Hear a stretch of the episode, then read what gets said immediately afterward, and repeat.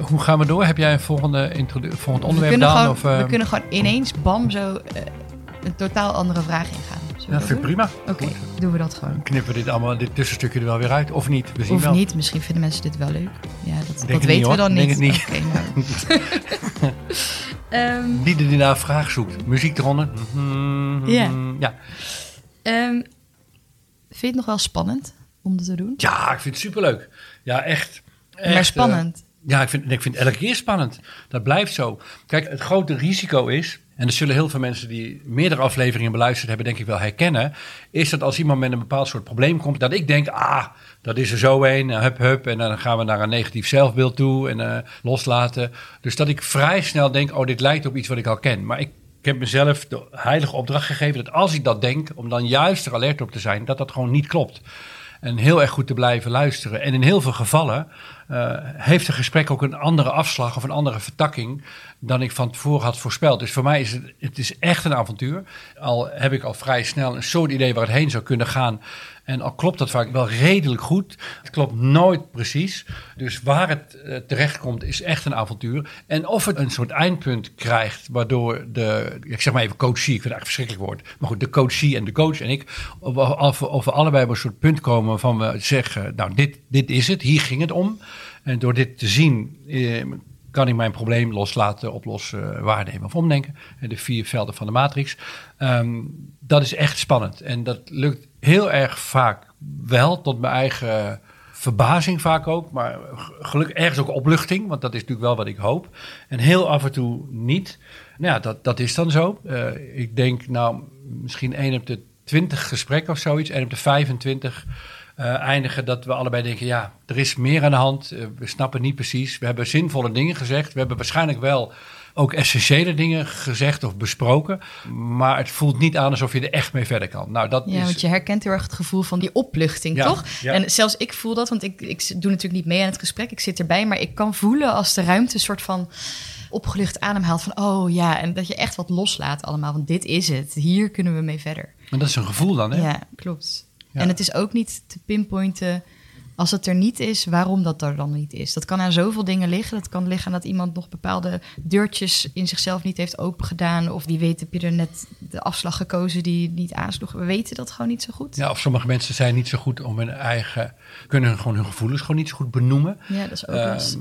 sommige mensen kunnen gewoon niet boos worden, weten niet wat boos zijn is. Sommige mensen twijfelen over alles. Dus dat kan zijn dat mensen een manier van doen hebben die het probleem is, maar die ook maakt dat het probleem niet helder kan Ja. worden, zeg maar. Ehm, ja, dat heb je soms. Ja. En heb jij wel eens het gevoel dat je er niet lekker in zit? Of dat er iets tegen kan werken? Of heb jij altijd wel het gevoel van ik ben er en ik weet waar ik heen wil en ik kan heldere vragen stellen? Mm, Ja, in, in, in heel veel gevallen kom ik in een soort flow. Dat het helemaal vanzelf gaat. Ik kan alles zeggen wat ik denk. Ik kan eruit gooien wat ik voel. Het is ook een soort overgave aan het contact met de ander. Dat je voelt dat je eh, je helemaal voor iemand opent en de ander ook helemaal voor jou. En als dat vertrouwen er is, als die verbinding er is, als die stem is in je, hoofd van wie ben ik, wat vindt de ander van mij. En eh, als die op een gegeven moment eh, heel stil zijn geworden, ja, dan is het contact zo ontzettend goed. Dan kan je eigenlijk geen foute dingen meer zeggen. Want als je iets heel fout zegt, dan zeg je iets wat iemand wel eens bedacht heeft of wat je zou kunnen bedenken. En dan zal de ander dat ook absoluut niet als kwetsend ervaren. Dus, en ik, wat ik denk, wat de basis is van wanneer een gesprek heel erg goed loopt. Voor mij heeft het allemaal met liefde en vertrouwen te maken. Dat de ander weet, ik zit hier alleen maar met de intentie om jou helemaal te omarmen zoals jij bent nu. En daar zit gedoe bij en onhandigheden. Nou, dat is zo. Joh, iedereen heeft ravenrandjes. Heb ik ook, maakt allemaal niet uit. Vertel eens, waar ben je nu? Hoe, hoe- wie ben jij? Hoe, hoe voelt het voor jou om te zijn wie je bent? Hoe, hoe is het in jouw wereld? En ik ben bij jou op bezoek. Ik mag helemaal in jouw huis binnenstappen, zeg maar. En met jou om me heen kijken wat je denkt, voelt, overtuigingen, belemmeringen, verleden. Je laat me alles zien. Je zet alle kasten en... eh, grappig dit beeld, dit verzin ik nu zo, maar zo voelt het wel. Ik voel ook rillingen als ik het vertel. Want dat vertrouwen wat iemand je geeft is heel eh, ontroerend. En eh, ik, merk, ik word ook ontroerd als ik het vertel. Merk ik. Als je, als je zo er bij iemand helemaal mag zijn. en iemand laat zich helemaal bekijken en meevoelen. Ja, dan, je zegt geen foute dingen meer. Want je zegt wat iemand er zelf ook allemaal denkt en voelt. Nou, dan zeg je toch iets fout. Je denkt ook wel eens iets fout over jezelf. Dan corrigeert de ander mij. En dat geeft niks, want we zijn samen in een veilig gebied van liefdevolle verbinding. Ja, dat, dat mensen zich zo openstellen, dat is heel eh, ontroerend. En ik denk dat dat ook de kracht is van hoe ik met mensen in gesprek ben. Dat de veiligheid en de, ook de humor die je kunt hebben over hoe stom je zelf bent. En hoe stom we allemaal zijn. En hoe onhandig je dingen probeert. De lichtvoetigheid en het plezier waarmee je kunt kijken naar het menselijke gehark. Wat we met z'n allen doen. Ja, dat, dat ik, ik hoop dat mensen zich daardoor ontzettend veilig en gezien en eh, vertrouwd voelen. Ja, en ik denk dat daarin dus ook helpt dat jij vanuit je eigen ervaring ook dingen vertelt. Want wat normaal misschien een psycholoog of een coach minder zou doen, die zou zich wat meer op de achtergrond houden en meer gewoon luisteren en vragen stellen. Is wat jij natuurlijk gewoon doet, is over het gedoe met je moeder vertellen. Ja. Dat maakt natuurlijk ook heel, gewoon heel relatable. En heel erg, jij bent ook gewoon eh, iemand die loopt te harken. Ja. Net als zij. En dat Nou, is meer. ook oké. ja. Meer. Ja. Ja. En hoe jij er zelf mee omgaat en hoe je er zelf naar kunt kijken en om kunt lachen. Ik denk dat dat ook maakt dat mensen sneller de deuren van hun huis openen Ja. voor je. Dus wat dat betreft is dat hele praten van jou. Dat heeft ook wel zin, hè? Dat heeft, dat, dat heeft Ja, de ook- ander lospraten of eh, Ja. erop lospraten samen. Ja. En sommige mensen kletsen heel makkelijk. En eh, dat zijn voor mij dan makkelijke eh, coaches. Ja. Want dan ga je allebei alle kanten op lullen. Maar sommige mensen wat moeilijker. Maar ook mensen die wat bedachtzamer of rustiger formuleren. Kunnen daarbij heel erg goed in contact staan met hun gevoel en hun gedachten. En dan kan het ook een heel aangenaam gesprek zijn. Nou, en in een goed gesprek dan krijg je dat het zo meandert. Opeens gaat het wat sneller, dan gaat het wat langzamer. Soms is het concreet, soms is het abstract. En ehm, elkaars antennes eh, stel je op elkaar af. En dan, eh, ja, dan, dan gaat het in flow, zeg maar. Dat is idealiter. En, en dat, als je voorbereid hebt, te veel voorbereid hebt... of allemaal theorieën hebt, dan gaan die allemaal in de weg zitten voor dat proces. Dus veel meer nog dan de, de techniek... Dus ook voor mensen die nu luisteren en denken, ik wil coach worden. Ik denk het allerbelangrijkste is, hou van degene die tegenover je zit. Maak daar een hele liefdevolle verbinding mee. Identificeer je daarmee. Ga niet als een soort bedweter of oh, erboven hangen dat je allemaal dingen weet. Maar eh, bedenk, hoe is het om die ander te zijn? Dat is gedoe. Nou, met dat gedoe probeer je een beetje te helpen vanuit eh, liefdevol contact. Ja, mooi. Mooi gezegd. Nou, dit nou- allemaal, waar, waar ging dit allemaal Nou- over? Het blokje. Wat was het blokje wel- wat we behandeld hadden? Doe even Nou, terugstructureren. Ja, ik vroeg dus of je het nog wel spannend vindt om Ja. te doen. En of je ook wel eens dus er niet lekker in zit. Dat was eigenlijk Soms wel. vraag. Die momenten heb ik natuurlijk wel. Ja. In het begin altijd. Ik vind het altijd spannend. Ik kan me Ja. voorstellen als je een tijd lang geen mensen ziet of in corona geleefd heeft, dat menselijk contact is gewoon zwaar. Want eh, je moet afstemmen. Dat is zwaar voor je lichaam en je geest. En dat is ook voor mij. Alsof je een beetje een treintje, een soort bergje op moet rijden naar boven en dat het dan na een tijdje dan pas naar beneden kan gaan eh, rollen. En soms zijn er momenten in een gesprek dat ik denk, ik heb geen, ik, ik weet het niet. En dat Ja, zeg ik zijn dan, die er? Ja, die zijn er. Heel af en toe zijn die er. Voor mij ben jij daar nooit bij geweest bij zo'n moment. ik kan het me niet herinneren dat je echt lang stil viel. Ik, eh, behalve dat je af en toe wel zegt van... waar waren we ook weer gebleven? Wat Ja. vroeg je eigenlijk? Dat, maar dat heeft meer te maken met wat wij nu ook hebben. Dat je afdwaalt. Ja. gedoe, te veel, te veel dingen tegelijk. Ja. Nou, ik ben er wel, ik ben er wel, ja, dat klinkt misschien zelf ingenomen, zo bedoel ik dat niet. Maar ik ben wel positief verrast over die momenten van, wat moet ik nu vragen? Of wat moet ik nu zeggen, dat ik die niet heb. Nee. Zoals, hoe heet eh, zij in Portugal ook weer, bij B&B Vol Liefde? Hoe heet ze ook alweer? Eh, nou, Niet Simone? nee, ook niet Desiree. Wie was dat? Maakt niet uit. Maar in ieder geval, zij gaat Met de dan... krullen. Die jonge vrouw met... Ja, die een heel aantrekkelijke vrouw om te zien. En ze heeft een B&B met de moeder. Ja. We bedoelen hetzelfde, hè? Ja, ja, ja. En, eh, maar ze gaat een op date met een man. Op een gegeven moment heeft ze een blaadje bij zich met wat vragen die Ja. ze hem kan stellen. Nou, dat is natuurlijk schattig. En het is heel goed dat ze zich voorbereidt. Beter dat je het voorbereidt en vragen hebt. En dat Ja. je maar zit, ik heb hier niet moet vragen. Dus dat is sowieso zinvol. Maar dat je überhaupt, eh, dat wij mensen, laat ik het zo zeggen, zo slecht tot gesprekken in staat zijn. Ook gewoon op een date, dat je een blaadje met vragen moet stellen. Nou, dat zegt iets over eh, hoe moeilijk heel veel mensen het vinden om vragen te stellen. En misschien als je nu luistert en je vraagt je af, ja, hoe leer je dat dan? Of waarom doe je dat dan zo goed? Nou, dat is voor een deel allemaal vaardigheid en training en boeken lezen en nadenken. Dat is allemaal heel belangrijk. Maar het is vooral ook gewoon ingooien en heel nieuwsgierig zijn. En gewoon echt de ander, het huis van de ander willen begrijpen.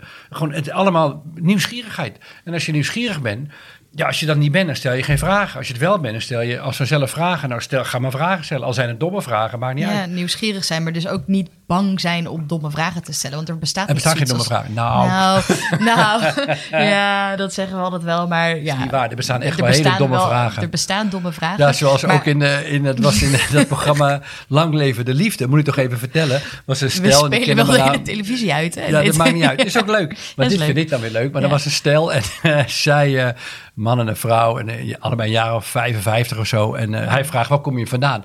Ja, zegt ze, ik kom uit het Stadskanaal. En eh, ja, geboren en uh, kinderen gekregen. Een dochter. En uh, ja, die is met twee jaar. Die is, werd verdronken. En die toen coma beland. En uiteindelijk is ze overleden. Toen een kindje van twee jaar. Dus ze vertelt het verhaal heel serieus. En hij stelt de vraag, waar kwam je ook alweer vandaan? Stadskanaal? Nou, als je, je daarna die vraag stelt, dan is dat niet een goede vraag. Dat is echt nee. wel een hele domme vraag. Ja. De beste vraag is, jeetje, hoe is het voor jou? Joh? Dat moet verschrikkelijk geweest zijn. Of niet eens een vraag stellen. Maar... En gewoon je mond houden is ook vaak ook. Je en, en, nu, en, wel aan blijven kijken en aangeven, ik wil wel meer weten. Want naar, je mond houden en naar beneden kijken, dat is dan weer niet zo handig. Niet. Ja. ja, dus ik denk ook dat heel veel van dit soort interacties, mensen die geen vraag durven stellen of de verkeerde vraag stellen, dat dat echt voortkomt uit onzekerheid. En gewoon zo bang zijn om de verkeerde vraag te stellen dat je dan maar niks zegt. Of dus, of dus denkt, ik blijf op veilig terrein. Ik vraag gewoon, woon je nog steeds in Stadskanaal? Ja. Wat op zich een goede vraag is hoor. Alleen de timing van de vraag is dan weer wat minder. Precies. Ja, ja dat is ook gewoon lastig. Maar ik denk nieuwsgierigheid en dus niet zo bang durven zijn. En ik denk dat, heel veel mensen, als je er zo van buitenaf tegenaan kijkt, behoorlijk in zichzelf opgesloten zitten. In een soort, ja. een soort bunker.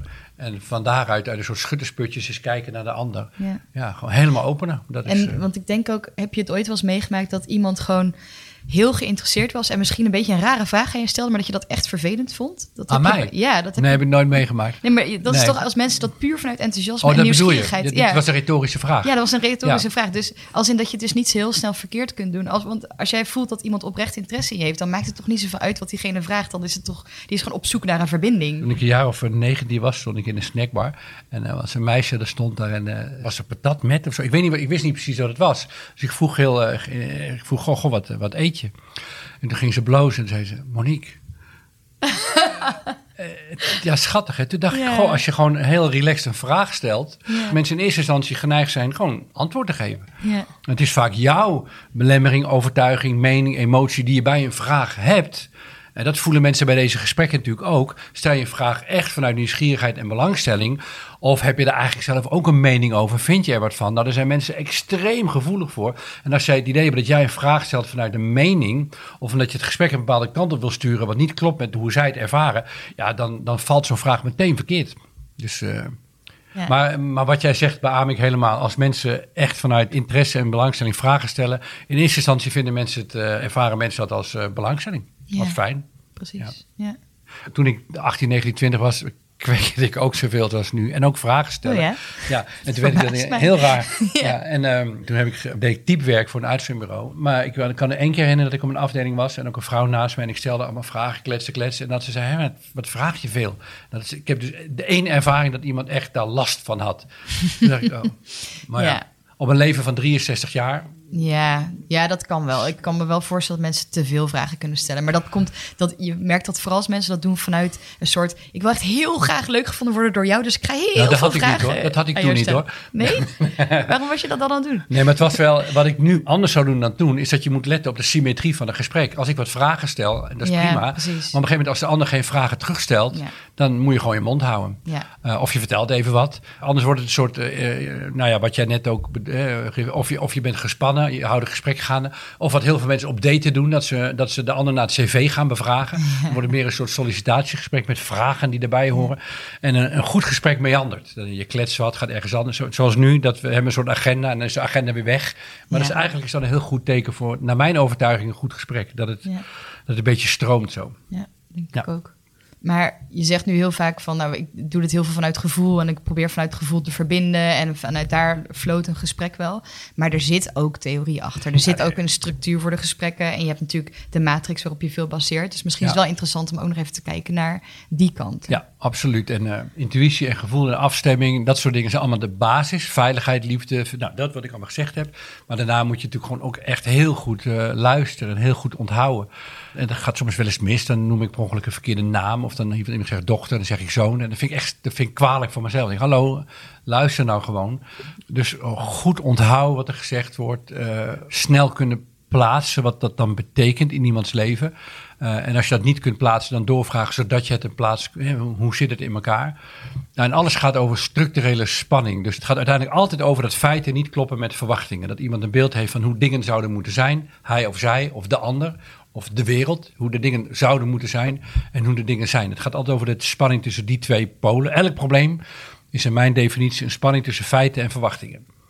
Dus om het probleem van de ander te begrijpen, moet je zowel de feiten van diens wereld goed in beeld brengen, maar vooral ook de verwachtingen van de ander. Wat verwacht de ander dan?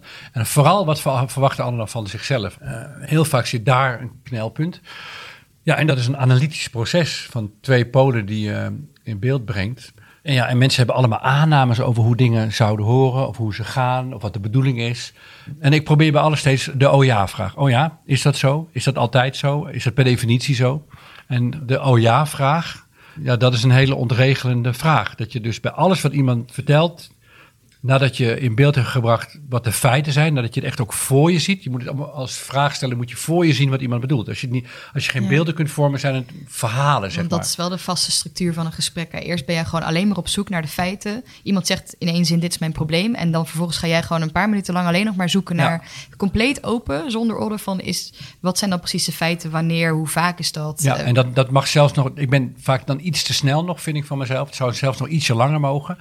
Maar feiten vragen totdat je het voor je ziet. Dus iemand zegt, uh, ja, ik, uh, ik ervaar zoveel stress in mijn werk. Ik zeg, ja, ja, ja. ja. Maar dat, je moet doorvragen tot je een beeld krijgt. Ja. Uh, hoe dan? naast diegene op zijn werk zitten. Ja, hoe zit hij op zijn werk? Hoe gaat hij naar huis? Moet iemand aan zweten? Gewoon, je, moet het, je moet het zien. als je het ziet, pas als je het ziet, als je er een filmpje van kunt maken in je hoofd, dan heb je de... Want de werkelijkheid is namelijk feiten. De werkelijkheid is iets wat je kunt zien.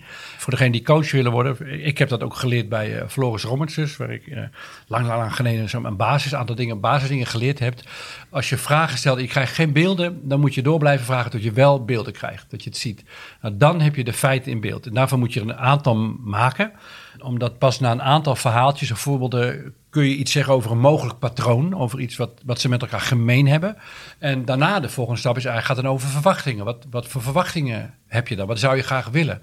Of wat zie je dan voor je? Maar dan is er een klem tussen een verwachting en een verlangen. En die spanning, dat is in feite het probleem. En als je die twee in beeld hebt gebracht, hoe ziet je werkelijkheid eruit, wat zou je willen, dan heb je een eerste begin van dit is het probleem. En dan kan je verder gaan onderzoeken nou, in welk veld van de matrix zou dit probleem dan vallen. Maar dat duurt dan vaak ook nog heel lang hoor, voor je van de een op de andere stap komt. Maar dat is heel ruwweg, is dat de volgende. Wat is het probleem? Feiten, verwachtingen in welk veld van de matrix. En daar volgt dan een soort vervolgstrategie uit. Ja, en de matrix, wil je die nog eens uitleggen? Ja, de, de matrix is, ik, voor degene die er meer van willen weten, ik beschrijf hem eh, heel uitgebreider dan ik het nu kan vertellen in het boek Zoals Verwacht loopt alles anders. Het laatste boek wat ik geschreven heb. Zoals verwacht loopt alles anders. En de matrix gaat uit van het feit dat een probleem bestaat uit twee variabelen. Feiten en een verwachting. Het regent op de camping, je wil graag dat de zon schijnt, dus is er een probleem als je boer bent en het is droog, in hetzelfde gebied gaat regenen, dan is regen opeens een zeeg. Dus regen is regen. Het wordt pas een probleem als het niet klopt met jouw feiten. Dus elk probleem is een tegenstelling tussen feiten en verwachting. Twee variabelen. Nou, daar kan je matrix mee maken. Sommige feiten kun je veranderen, sommige niet. Sommige verwachtingen kun je veranderen of bijstellen, sommige niet. Sommige heb je nou eenmaal. Je wilt dat het goed gaat met je kinderen. Een verwachting die heb je en die hou je. Nou, die kan je met elkaar combineren. En zo kom je tot vier bevredigende manieren om met een probleem om te gaan. Dat is oplossen. Bij oplossen pas je de feiten aan aan jouw verwachting. En je hebt een lekke band. Nou, je verwachting is dat je gewoon weer met de auto verder kunt gaan, dat je band geplakt is. Dus je, plakt je band en door je feiten aan te passen aan jouw verwachting is je probleem opgelost. Nou, oplossen is wat we het liefste willen. Want als je problemen opgelost zijn, dan gaat het leven lekker door zoals je dat wilde. Op, op, probleem opgelost, daarna ik leef door zoals ik ging. Nou, loslaten uh, staat daar tegenover. Bij loslaten laat je je verwachting los. Je accepteert de feiten zoals ze zijn. Dus de feiten veranderen niet, maar door je verwachting los te laten is je probleem verdwenen. Ehm, verwachtingen loslaten is een van de moeilijkste opgaves in het leven, want we moeten in het leven voortdurend dingen loslaten die we graag zouden willen. Uh, een zelfbeeld loslaten, loslaten dat je niet meer jong bent, uh, whatever, dat je heel, heel erg pijnlijk voorbeeld uh, dat je als vrouw, als je heel graag kinderen wilt, op een gegeven moment tot de conclusie moet komen dat je een leeftijd hebt dat dat gewoon niet meer gaat gebeuren. Nou, zo'n hele diepe wens om moeder te worden, moeten loslaten. Ja, dat is veel makkelijker gezegd dan gedaan. En misschien lukt dat de rest van je leven wel nooit. Dus loslaten is een manier om met problemen op te gaan. En dan waarnemen. En met waarnemen bedoel ik dat je uh, ziet dat je een probleem hebt en dat je er niks aan kunt doen. Je kunt alleen maar waarnemen, ik heb een probleem en ik kan er helemaal niks mee. Ik zit klemmen mijn probleem. Denk bijvoorbeeld aan, je hebt een chronische ziekte die gepaard gaat met pijn. Waar je elke dag echt last van hebt, dan moet je zeggen, nou laat hem maar los. Nou dat lukt echt niet, want als je pijn hebt, dan is het pijnlijk. Dat is, op dat moment is dat een probleem. En het gaat gewoon misschien wel nooit over. Misschien wel de rest van je leven. Chronische ziekte gepaard. Dus dan heb je geen enkele andere optie dan het probleem waarnemen. Accepteren dat je een probleem hebt waar je niets aan kunt doen. Nou, dat lijkt heel beklemmend. Uh, maar het is in potentie kan het heel bevrijdend zijn als het je echt lukt het probleem waar te nemen. Want dat er vaak gebeurt, dat noem ik frustratie over frustratie. En dat mensen een probleem hebben, maar ze vervolgens, waar ze niks aan kunnen doen, maar daar dan vervolgens een probleem van maken. Dat noem ik frustratie over de frustratie. En stel bijvoorbeeld, je bedacht, ik ga naar de sportschool. Het is 1 november, ik ga mijn best doen. Je hebt een abonnement voor een jaar gekocht om een stok achter de deur te hebben. Dom, domme strategie, maar goed, jij denkt dat werkt voor mij. Maar na een maand blijkt je al helemaal niet meer te gaan. Nou ja, stom, jammer, geld weg, kan gebeuren zou ideaal zijn als je dat kon zeggen, dan had je het losgelaten. Maar dat lukt niet bij veel mensen. Ze zullen zeggen, dan ben ik ook stom, ik had het niet moeten doen, abonnement voor een jaar, ben ik ook een sukkel. Dus er komen allemaal frustraties bij. Eh, ja, om naar mezelf nou een sukkel te vinden is ook weer een veel te zwaar oordeel. Het is gewoon onhandig. Waarom ben ik altijd zo hard voor mezelf, dat ik zo'n negatief zelfbeeld heb? Maar eigenlijk zijn het allemaal frustraties over frustratie over frustratie. Uh, je zou allemaal leemlagen, zoals dat, dat zie ik daar voor me, leemlagen van frustratie. Dus elke poging om het probleem op te lossen of ermee te leren leven of te relativeren, maakt het probleem eigenlijk alleen maar groter. Nou, en wat dan helpt is uh, de, wat ik noem shit-puntregel. Uh, ik heb maar een maand gesport. Het kost me nu een hele zak geld. Lekker stom. Shit. En dan punt. Ik heb een probleem. Het is ook echt een probleem. Maar ik besluit nu er geen probleem van te maken dat ik een probleem heb. Punt. En uh, het verschil tussen waarnemen en loslaten is heel subtiel, maar cruciaal. Als je het los kunt laten, is het ook echt weg heb je er geen ellende meer van. Je, op een gegeven moment ben je het zelfs vergeten. Maar zolang je een probleem waarneemt, ervaar je nog wel dat je een probleem hebt. Je kunt het nog niet loslaten, zou je kunnen zeggen. Of misschien wel nooit. Maar je kunt wel besluiten er geen probleem van te maken dat je een probleem hebt. Nou, dat zijn die. En dan hou je nog een vierde optie over. En dat is omdenken. Dus dat je juist van het probleem een mogelijkheid maakt. En dan verander je en de feiten en je verwachting. En door beide te veranderen kun je soms een nieuwe mogelijkheid creëren Waardoor je nieuwe werkelijkheid misschien zelfs wel fijner of beter is dan waar je toen je nog een probleem had vandaan kwam.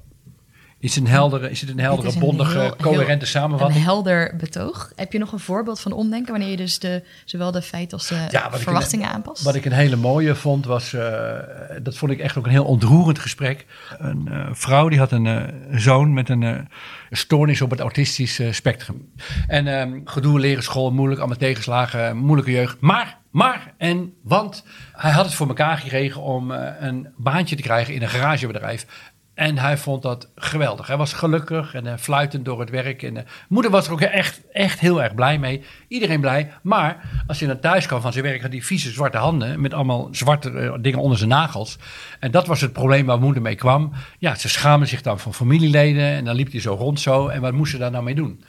Dus, en ook uit eh, eten gingen ze met die handen. en echt wel gewoon... Ja, echt wel lastig ja, als je haar het, bent. Ze begon het wel een probleem te vinden. Ja. ja.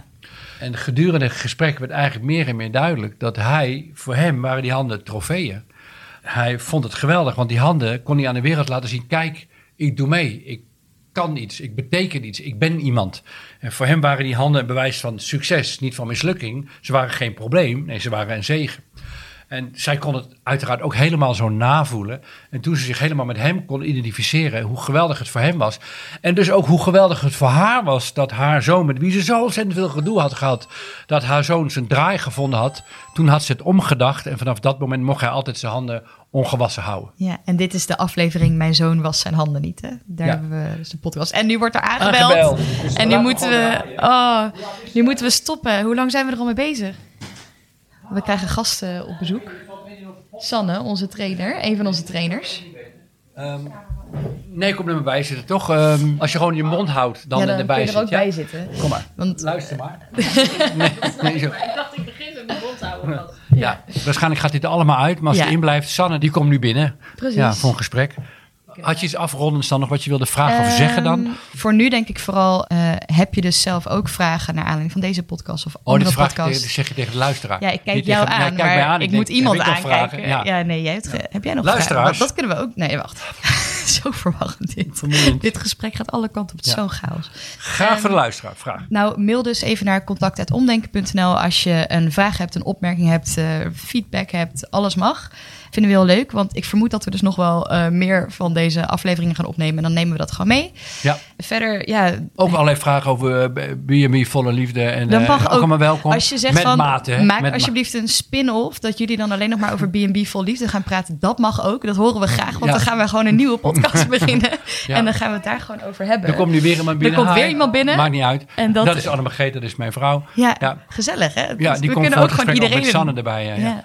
We kunnen ook iedereen gewoon een Zullen we gewoon marathon sessie, marathon sessie. Ja, leuk. Dus als je vragen hebt, stuur ze op. Ja, precies. en En moeten we het maar gewoon afronden. nou, ik had nog Gaan een slotvraag aan jou, Oh. want dit was voor jou wel, je had, je had er wel een beetje tegenop gezien. Nou, Mag dat ik wel vul jij helemaal jawel, Jawel, Eh, ik- Dit is echt, al de hele dag wordt gezegd, jij bent zenuwachtig hè? Jij kijkt hier tegenop, jij bent heel gespannen. En ik zat alleen Ja, maar maar... ik ben helemaal niet gespannen. Nee, maar ik vind het wel heel leuk om dat te zeggen. Projectie. Mijn vrouw begint zich nu ook mee. Iedereen gaat zich er nu mee bemoeien. Framing, framing.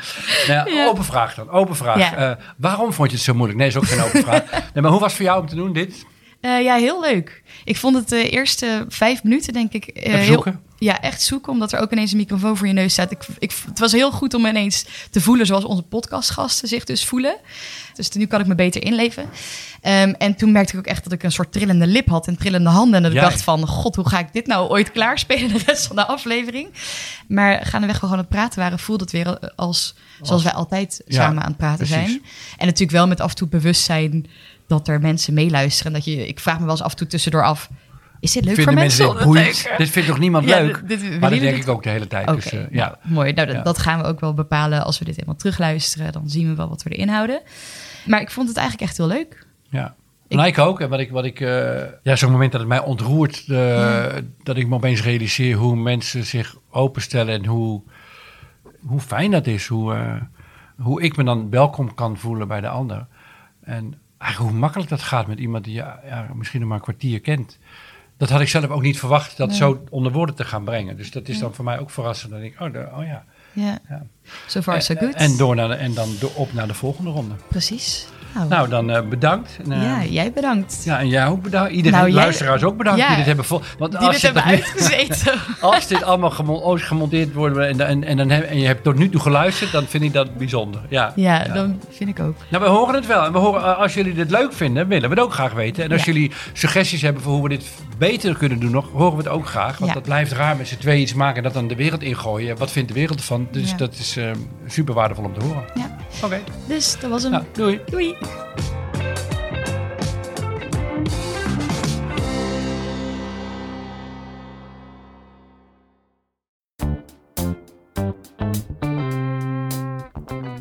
Hallo luisteraars, dit is een oproep. We willen deze podcast ook in het Engels gaan maken, zodat er nog veel meer mensen kunnen gaan omdenken. Ben jij of ken jij iemand die een probleem heeft en het leuk vindt om in het Engels met Bertolt in gesprek te gaan? Meld je dan aan voor de podcast via omdenken.nl/slash podcast. Omdenken.nl/slash podcast. En wie weet, zien we je in de studio.